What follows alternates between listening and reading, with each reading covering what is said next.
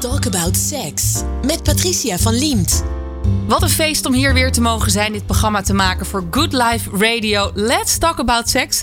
Hoi, ik ben Patricia Verliemd en bij mij in de studio Linda Duits. Linda, wat geweldig dat je er weer bent. Want na de eerste uitzending waren we eigenlijk nog echt lang niet uitgesproken over jouw nieuwe boek. Eindelijk weten wat seks is. Ehm, wat ik heb geleerd vorige week is dat seks echt heel subjectief is. En meteen haal ik er even een onderzoek bij. Uh, een studie uit 2010 laat namelijk zien dat Britse en Amerikaanse homo's anaal toch wel echt seks vinden, of je nu ontvangt of geeft. Terwijl maar 70% van de hetero's anale seks dan weer echte seks vinden. Hier waren we eigenlijk vorige week een beetje bij gebleven. Ja. Hoe komt het verschil in perspectief, denk je? Um, het heeft te maken met wat jou goed uitkomt. Ja, precies. ja, dus um, uh, ja, hoe, je dat, hoe je dat meetelt, dat zegt uiteindelijk dus heel veel over, over jezelf. Um, het is in Amerika ook nog wel weer zo. dit hoorde ik bijvoorbeeld ook, werd vroeger ook wel gezegd over katholieke meisjes. Hè? dat als je, ja, als je het anaal doet, ja, dan is er geen vaginale penetratie. Oh. Dus dan kan je dus eerder volhouden dat je bijvoorbeeld nog maagd bent. Ja. Ja. Oh. Huh. Wat, dan, wat, wat jou dus dan handig uit kan komen. Ja, ja, dus het is gewoon hartstikke subjectief. En um, ik las ook in jouw boek, Eigenlijk weet wat seks is, dat uh, heb je de Nederlandse bevolking heb jij flink onder de loep genomen. Bijna een kwart van de Nederlandse bevolking stond het laatste half jaar droog. Ja. Maar heeft het dan met de coronacrisis te maken of nee, is dit in general? Al, nee, dat is al daarvoor. Oh, dat was daarvoor. Ja, ja dus ik vond dat. Uh, um, ja, kijk. Uh, ik wou zeggen, ik vond dat schokkend. Wat, wat we, wat, waar we heel erg toe geneigd zijn, is we willen onszelf de hele tijd vergelijken met anderen. Dus daarom is het een soort seksonderzoek. Dit is onderzoek dat Rutgers uh, doet uh, onder, onder een representatieve steekproef van de bevolking. Mhm. Mm -hmm. Is zo interessant, want dan kunnen we ons dus vergelijken. Ja, zijn wij dan, kan, kan, kan, steken we daar gunstig of ongunstig tegenover af? Um, en, en, soms, ja, soms verbaast het je, maar dat ligt dus ook weer aan je eigen positie. Ik heb heel veel, uh, ik zit heel sterk in de gay scene. Ik heb vrienden die echt heel veel seks hebben. Ja, ja op het moment dat ik, dan de, dat ik dan dus hoor, oh, een kwart stond had helemaal geen seks, denk ik, oh, dat is heel veel. Maar dat heeft dus ook weer te maken met eigenlijk met je perspectief. Ja, oké. Okay. Ja, en want hier staat bijvoorbeeld een derde van ons heeft tussen de 1 en 3 keer per maand seks. Uh, 18% doet het meer dan eens per week. Dat vind ik best wel laag overigens. Uh, we zijn er grotendeels tevreden over. 53% van de mannen en 60% van de vrouwen vindt dat wel prima. En respectievelijk 25 en 18% die baalt ervan. Dus die zou het wel meer willen. Ja, en dat is dus eigenlijk belangrijker dan het cijfer hoe vaak doen we. Het gaat natuurlijk over hoe tevreden uh, ben je daarmee. Hoe exact. gelukkig ben je. En uh, voor sommige mensen is, dat, is dat veel te weinig. Voor andere mensen is het veel te veel. Er zijn natuurlijk ook mensen die uh, bijvoorbeeld aseksueel zijn, die helemaal geen behoefte hebben uh, aan seks met anderen. Hoe weet je nou dat je echt aseksueel bent? Want er zullen misschien nu ook wel uh, mannen of vrouwen luisteren. Die zijn, weet ik veel, lang getrouwd, zitten in huwelijk, kinderen, bla, klat erin. Dat betekent niet dat je aseksueel bent, toch? Nee, wat, wat, wat je sowieso moet bedenken, en dit heb ik van Marije Jansen, die sowieso echt fantastisch is als het gaat over seksualiteit. en Marije zei het een keertje. Je seksualiteit is niet stabiel gedurende je hele leven. En toen dacht ik, oh ja, natuurlijk. Wat fijn. Maar natuurlijk, natuurlijk is dat niet zo. Maar dat denken we wel. Dus op het moment dat je in je jaren twintig heel veel eh, seks had, of veel verschillende sekspartners had, dat betekent helemaal niet dat als je 40 bent, dat je dan eh, eh, nog steeds diezelfde verlangens of diezelfde behoeften hebt. Uh, bijvoorbeeld ook hè, op het moment dat je liefdesverdriet hebt, ja, dan heb je ook minder zin waarschijnlijk in seks. Of misschien juist meer, dat kan natuurlijk. Dus er zijn verschillende perioden in je leven. Het hangt ook af met wat zijn de behoeften van je partner, maar ook hoe druk ben je. Dus voor heel veel, wat bijvoorbeeld tijdens corona heel grappig was, een beetje anekdotisch is dat ik dan van mensen hoorde, dus die singles waren aan het klagen van ik heb nu helemaal geen seks. Mhm. Uh, en mensen in een relatie, en zeiden tegen mensen in een relatie, oh jij hebt gelukkig een relatie. Dan mensen in een relatie zeiden, ja maar ik ben veel te moe. Uh, want ik moet mijn kinderen thuis onderwijs geven. En Ja. ik moet uh, allemaal dingen online doen. En dat is hartstikke vermoeiend. Dus als ik dan eindelijk een momentje voor mezelf heb, dan heb ik helemaal geen zin om met mijn partner dingen te gaan doen. Nou, we waren heel erg available voor elkaar. Ja. Hè, in de coronatijd en de Ja. lockdown. Dat het ook misschien wat minder spannend maakt. Precies, Aan de andere kant eh, hoor ik nu wel dat de kinderen gelukkig eh, nog op school zitten. Hè, als ze weer naar school zijn. Toen zei een vriendin van mij van... eh, ja, mijn man werkt nu wel thuis. Maar nu kunnen we dus ook soms overdag seks hebben. Dus het is niet meer of s'avonds of 's ochtends. Dus er is wel een optie bijgekomen door Ja, corona. Hartstikke leuk om een afternoon delight te doen met z'n tweeën. ja, ik weet het niet hoor. Ik, eh, hmm, ben jij van de ochtend of 's avonds seks? Ik ben heel erg van de overdag seks. Oh, kijk, zie je toch wat. Want vorige week zei ik, ik geef niet veel van mezelf bloot. Maar ik heb je er toch even in geluisterd. Ja, ja, ja. Soms, moet je, soms moet je een beetje mee als de journalist aan je trekt. Heel goed. Nou, ik ga zo meteen nog meer aan je trekken. Dan gaan we verder praten op de Good Life Radio. Het nieuwe lifestyle radiostation voor iedereen. Good Life Radio. Let's talk about sex. Met Patricia van Liemt. Op Good Life Radio. Let's Talk About Sex, een nieuw programma op een nieuwe radiozender Good Life Radio. Ik ben Patricia en tegenover me zit Linda Duits, uh, mijn nieuwe beste vriendin. Weet je zelf nog niet? ik hoop het hoor, Linda. Ik hang aan je lippen. Wat, wat weet jij veel van seks? Um, ja, ja, ja, ja, ik heb er ook mijn best voor gedaan om heel ja, maar je, seks te weten. Het is dus niet uh, alleen maar seks en over hoe we het moeten doen hè, met glijmiddel, maar echt uh, historisch perspectief, het belang, maatschappelijk. En dat maakt het, vind ik persoonlijk, echt reet interessant. Jouw boek, Eindelijk weet wat seks is, daar hebben we het over. Uh, je studeerde politicologie, maar je promoveerde uiteindelijk op het onderwerp meisjescultuur. Yes. En nou, hier vanwege je nieuwe boek, dat zei ik net al. Um, een belangrijk onderwerp, orgasme. En, uh, tum, tum, tum, nou, en toen bleek dat er nog best wel veel te leren was voor mij. Want ik las in jouw boek: mannen stellen, en dan streepje, onterecht, streepje, hun orgasme nog wel eens gelijk aan ejaculatie. Ja. Huh? Wat kun je dat uitleggen? Ja, dus uh, mannen denken dat uh, klaarkomen en orgasme beleven hetzelfde is als ejaculeren. Maar is dat niet zo dan? Uh, nee, je kunt ook een orgasme beleven uh, zonder uh, te ejaculeren. En je kunt ook ejaculeren. Volgens mij kan je ook ejaculeren zonder orgasme. Ja. Het wordt steeds ingewikkelder. Ja, en het is, wat daar vooral heel interessant aan is, is. Um, kijk, bij mannen is het allemaal hartstikke zichtbaar wat er gebeurt. Dus als ze opgewonden zijn, dan zie je dat. Mm -hmm. En dus denk ook, als, je klaar, als ze klaarkomen dan, uh, dan zie je dat. Terwijl bij vrouwen uh, dat, dat niet zo is. Nou voel je als vrouw natuurlijk wel of je nat bent, maar dat is, het is veel minder zichtbaar. En hetzelfde geldt uh, voor het orgasme. En dat betekent dat op het moment dat er problemen komen, en die komen bij mannen onvermijdelijk. Dus mannelijke luisteraars, dat is echt die erectieproblemen. Die zijn, die zijn onvermijdelijk. Dat gaat, ja, dat gaan alle mannen overkomen uh, op, op, op, op een enig moment in hun leven. Dat betekent dat ze zich op een andere manier naar hun lichaam moeten, tot hun lichaam moeten gaan verhouden. Want ze zijn gewend eigenlijk een soort van automatisch uh, een erectie krijgen.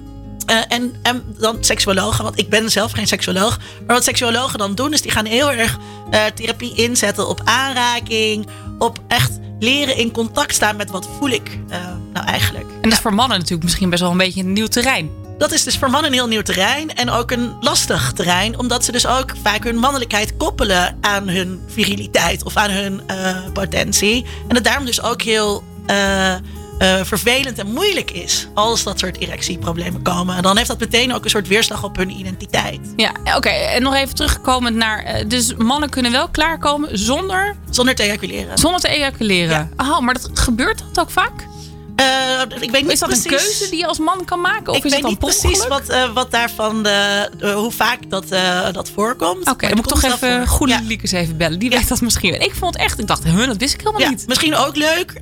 ook mannen faken hun orgasme. Ja, en er wordt heel weinig onderzoek naar gedaan, las ik in jouw boek. Ja, dus dat vond ik ook heel interessant.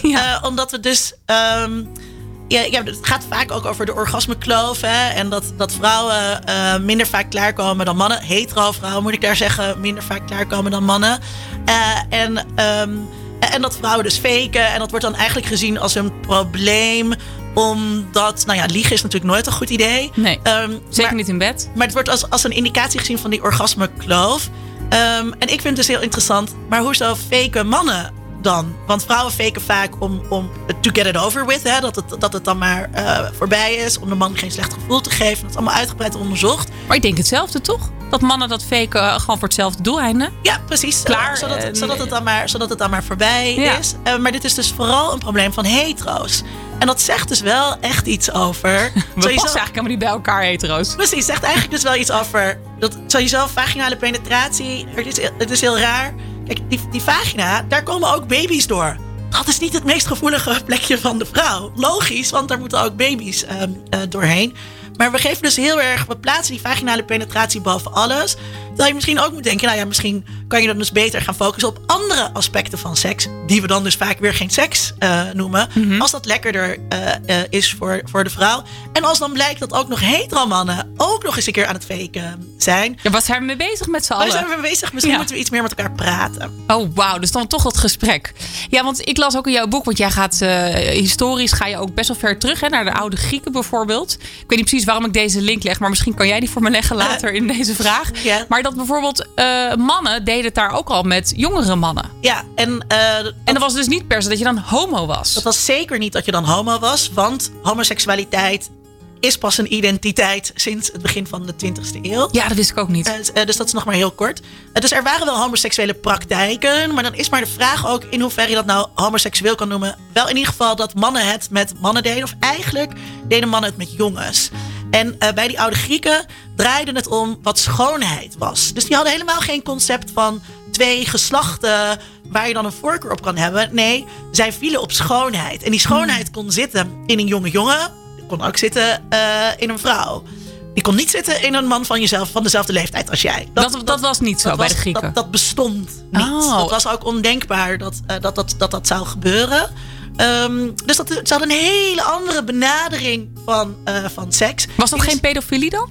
Um, nou ja, dat is, dat is dus ook weer iets wat je kunt afvragen. Het ging wel echt over uh, jonge jongens, dus niet per se over kinderen. Um, maar het gaat ook over de leeftijd wie zien wij als volwassen? En dat is natuurlijk ook historisch heel variabel. Nou, dat las ik ook in jouw boek. Ik heb nu even niet de cijfers voor, maar dat sinds een jaar of twintig pas mocht je bijvoorbeeld wel uh, homo zijn in Nederland. Maar dan mocht je pas activiteit hebben vanaf 21 en ja. hetero dan vanaf 16 of zo. Ja, dus um, dat is uit de Zedelijkheidswet van 1911. Zie je, ben blij dat je hier bent. Jij uh, weet dat allemaal. Artikel, ja, het is een heel berucht artikel, artikel 248 bis.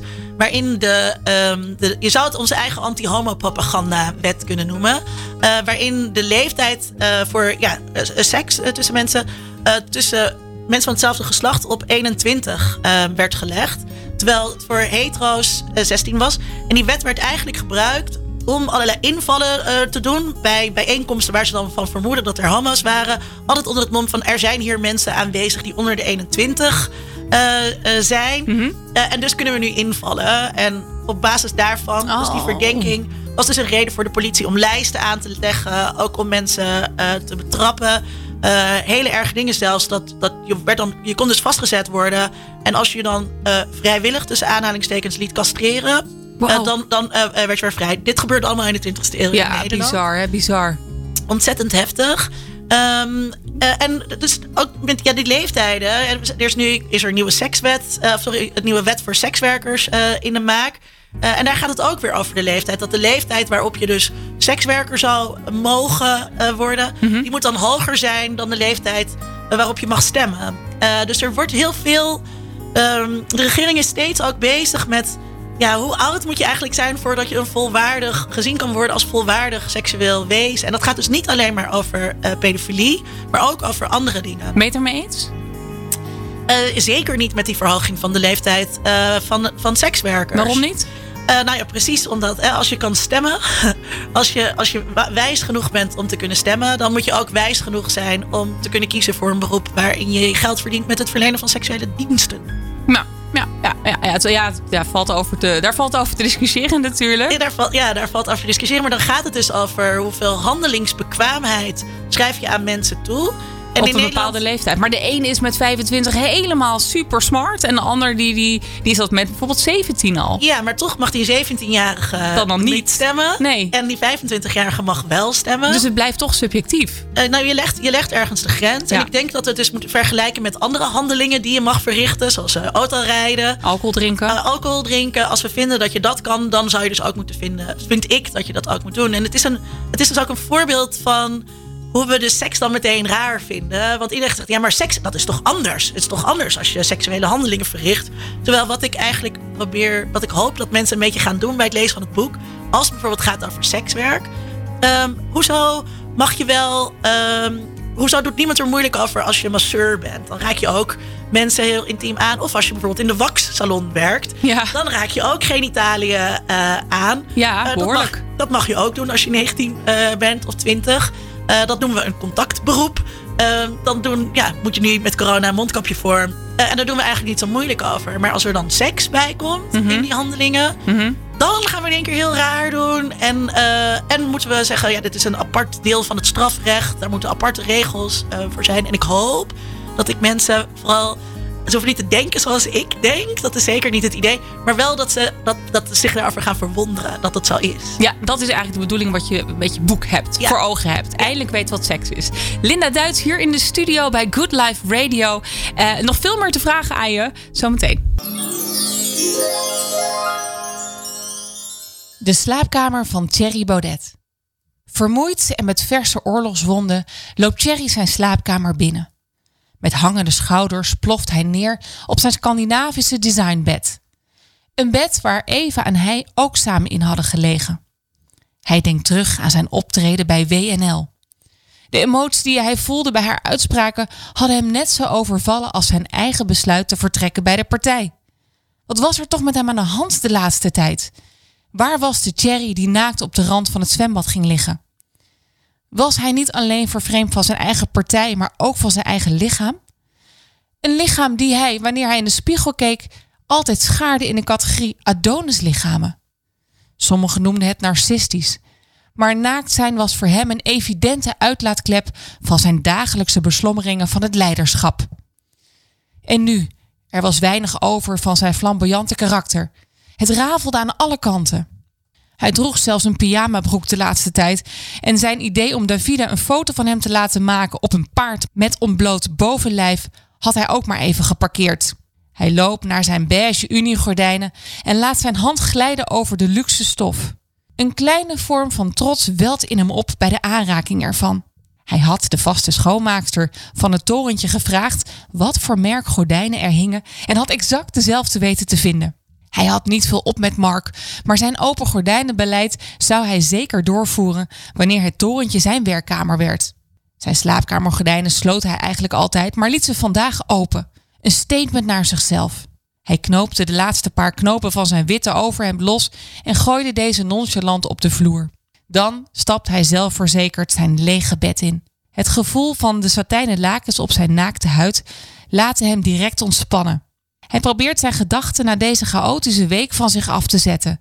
Meestal lukt het het beste met een goede vrijpartij. Maar Davide sliep al twee dagen bij haar ouders. De hele Eva-kwestie had haar aangegrepen. Cherry hoopt dat zijn verloofde snel weer in zijn bed zou liggen. Hij mist haar. Bovendien had hij haar nodig voor die nieuwe foto voor het reces. Want hij had in één keer een nieuw idee. Het moest geen paard zijn, maar een uil. Tevreden over zijn eigen creatieve hersenspinsels sluit hij zijn ogen. Eva duikt weer even op in zijn gedachten. Ach, een beetje fantaseren mag heus wel. En zijn handen glijden onder de lakens. Zijn orgasme is kort en hevig. Hij hoopte maar dat zijn partijleiderschap het tegenovergestelde zou zijn. Let's talk about sex met Patricia van Liemt. Mijn gast vandaag is Linda Duits, schrijfster van het boek Eindelijk weten wat seks is. Uh, ja, ik vind het persoonlijk de nieuwe Bijbel. Nadat ik heb. Uh, wow, dankjewel. Ja, ik vind het echt fantastisch. Ik heb iedereen alleen maar eruit lopen quoten. En moet je dit lezen? En moet je dat lezen? Um, maar ik zeg nieuwe Bijbel. Uh, maak ik hier meteen een gecultiveerde fout? of is het oké okay om dat te zeggen? ik vind het heel leuk als je dat zo, als je dat zo zegt. Uh, maar het is niet. Uh, het is, het is, er staan heel veel waarheden uh, in. Maar het is toch echt de bedoeling dat mensen er vooral heel veel zelf over na gaan denken. Verwonderen, hè, zei je al. Ja, zich, zich gaan verwonderen. Um, en niet dat, dat iedereen als, als een soort sponsje probeert een Linda Duits kloon te worden. Dat is zeker niet de bedoeling. Oké, nou ik ben het wel een beetje geworden, maar dat is alleen maar een compliment naar jou. Hoera, hoera, hoera. Um, dubbele moraal. het verschil tussen de ontmaagding van een meisje en van een jongen. Dat is ook een van de dingen die me echt opviel in het boek voeden we onze kinderen niet nog steeds zo op? Ja, je zou denken dat dat, dat dat niet zo is, omdat we redelijk vrije voorlichting hebben met veel aandacht daarin voor, voor seksuele diversiteit. Er is ook heel veel aandacht voor de dubbele moraal, maar hij sluipt er toch, uh, uh, hij sluipt er toch heel erg in. En dat zit bijvoorbeeld in de nadruk op de eerste keer die er in voorlichting uh, wordt gelegd. Um, nou is het natuurlijk ook belangrijk dat je uh, dat, je, dat je als je seks hebt, beschermd, beschermde seks hebt tegen SOA's, tegen zwangerschap. Uh, dus het is belangrijk om jongeren die les bij te brengen. Dan is wel de vraag, waarom dan die nadruk op de eerste keer? Want ook de tweede keer um, uh, moet je een condoom omdoen. Mm -hmm. um, maar wat er nog een keertje bij komt, is ja, de eerste keer, daar moet je klaar voor zijn. Ja. En dan is het heel onduidelijk wat klaar zijn nou precies betekent. Um, en dat geldt vooral voor meisjes. Want als je er niet klaar voor bent, pas op, pas op, dan kun je er later spijt van krijgen. Uh, en er, wordt dus, er, er, hangt dus de hele tijd een soort idee van een mogelijke psychische beschadiging omheen. En die geldt dus niet voor gevingerd worden achter het brommerhok. Want dat tellen we niet als de eerste keer seks. Dus daar hoef je helemaal geen zorgen over te maken. Dan hoef je die jongen niet helemaal te vertrouwen of al heel lang te kennen. dat dat bestaat eigenlijk helemaal niet. Uh, dat is helemaal niet opgenomen in dat hele verhaal. Um, en dus alles wordt gelegd op die, op die uh, eerste keer. En eigenlijk dus vooral voor meisjes. Want bij jongens is nog steeds het idee... of bij meisjes is het idee dat je iets kwijtraakt. Dat je uh, toch een beetje een soort beschadigd uh, bent geraakt... als je geen maagd meer bent. toch allemaal als je zo over nadenkt. Best wel. En wat, wat ook zo is, kijk, uh, natuurlijk, er zijn, er zijn in Nederland mensen die vinden dat je uh, maag moet blijven tot het huwelijk. Uh, maar dat is een kleine groep. Um, het, is, het, is, heel normaal dat je, dat je seksuele ervaringen opdoet. Maar toch zijpelt het door in andere dingen. Bijvoorbeeld, um, misschien herken je dat, of ook van, van vriendinnen. Je moet eigenlijk op de eerste date geen seks hebben. Want dan ben je geen relatiemateriaal. Dus beter wacht je tot na een paar keer om seks te hebben. Want hè, een, een, goed, een goed meisje, ja, die geeft het niet meteen weg. En dat idee, dat hangt ook weer samen met uh, dat oude maagdelijkheidsidee. Met het idee dat meisjes ja, eigenlijk uh, de zeden moeten bewaken. Hè, dat meisjes daar de poortwachters op zijn. Terwijl jongens, ja, die moeten zo snel mogelijk moeten ze er, moeten er van af, zeg maar. En je geeft ze een condoom mee en het is oké. Maar ik heb bijvoorbeeld een dochter van tien. Uh, ik ga met haar wel het gesprek aan. Uh, maar wat moet ik haar dan zeggen?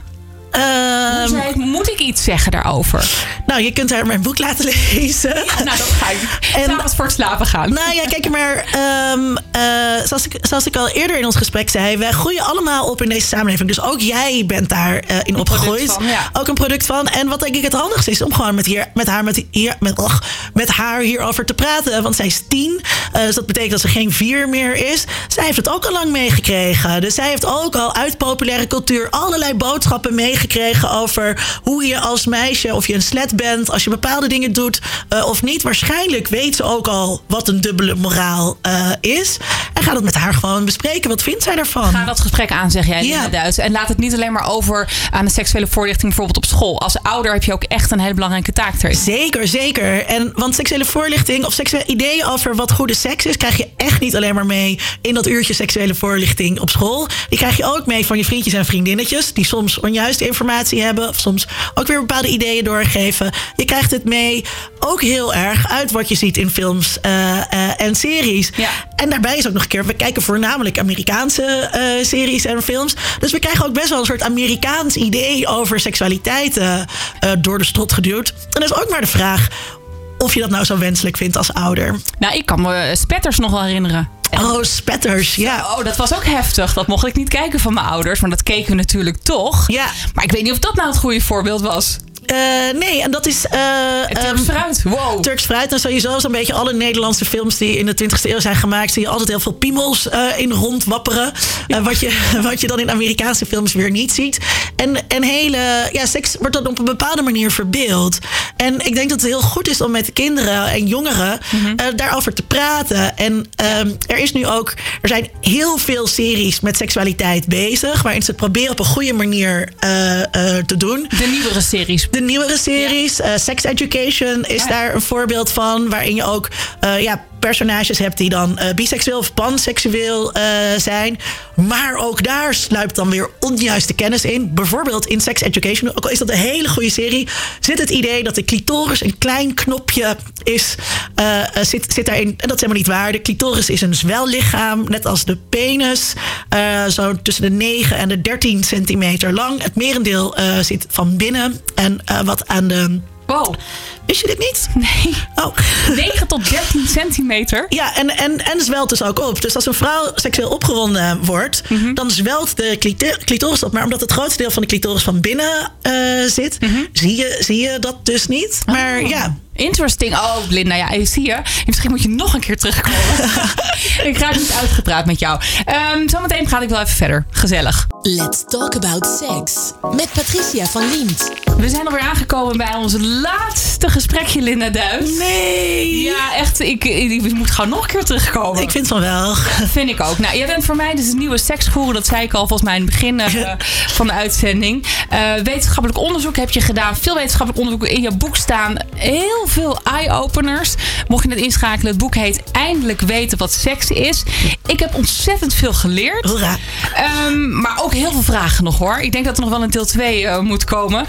Um, wat was voor jou het allerbelangrijkste om te vertellen in dit boek? Oeh, um, had natuurlijk, ik had zelf, ik, een aantal dingen wist ik al. Um, maar ik was zelf door een aantal dingen ook weer heel erg verrast. Mm -hmm. um, en je vraag was wat het allerbelangrijkste is om te vertellen. Ja, wat dacht je van, dat wil ik echt hopen dat mensen dat lezen en dan met elkaar gaan bespreken. Nou, wat, ik, wat, ik, wat ik echt hoop dat mensen eruit halen, is dat dus hoe we betekenis geven aan seks echt het resultaat is van bepaalde historische toevalligheden. En uh, dat dat dus ook anders kan. En heel veel dingen zien we zo als vanzelfsprekend. Dat is zo'n waarheid. Ja, maar zo, zo, is het toch nou eenmaal of zo. Uh, en dat is, niet, dat, dat, is dus niet zo. Dus ik hoop um, dat heel erg aan mensen mee te geven. Dat het namelijk dus ook anders kan. En dat er, dat er ook een andere manier van seksueel samen zijn. Of een andere manier van uh, over seks praten mogelijk is. Ja, dus echt de dialoog toch eigenlijk wel weer heropenen. Ja. Is er een nieuwe seksuele revolutie nodig, denk je? Um, wat ik ook wel grappig vond over die seksuele revolutie. Ja. Ik dacht dus altijd dat dat vooral kwam door de pil, de anticonceptiepil. En dat daardoor in één keer uh, seks een soort van consequentieloos kon zijn. Maar het was heel erg de pil in combinatie met penicilline. En dat betekent dat voor het eerst geslachtsziekten, en vooral hele heftige geslachtsziektes zoals syphilis, dat die te genezen waren. En dat zorgde dus ook voor echt een, een, een, revolutie. Een, een, een vrijere manier van, van of onbezorgder eigenlijk um, uh, seks hebben. Um, dus dat is de, de, seksuele revolutie. Vooral dat je onbezorgder uh, seks kan hebben. In die zin zou ik wel graag een nieuwe seksuele revolutie zien. Ja? Dat, je, um, dat we dus meer weten. Dus ook een kennisrevolutie uh, die ermee gepaard gaat. zodat we minder afkeurend naar ons eigen gedrag ja, ik denk zijn. Dat, ik denk dat je daar echt de spijker op zijn kop slaat. Want dat, als je ook kijkt naar mijn eigen seksuele ervaringen. Iedereen heeft zeg maar die inner kritieke voice. Hè? Ja. En die, gaat natuurlijk, die komt ook in de slaapkamer kijken. Zo zijn we eigenlijk het uh, programma geopend ja. hè, twee, twee ja. weken geleden. Dat die, die moeten we een soort van ja, een erepodium geven. Hoe, wat zullen we daarmee doen? Ja, dus, dus jij zegt, jij noemt het je inner voice. Hè? Ik zei, uh, uh, toen zei ik, het zijn allemaal andere mensen die erbij staan in de, slaap, in de slaapkamer. Um, ja, je, je kan ze inderdaad de slaapkamer uitsturen.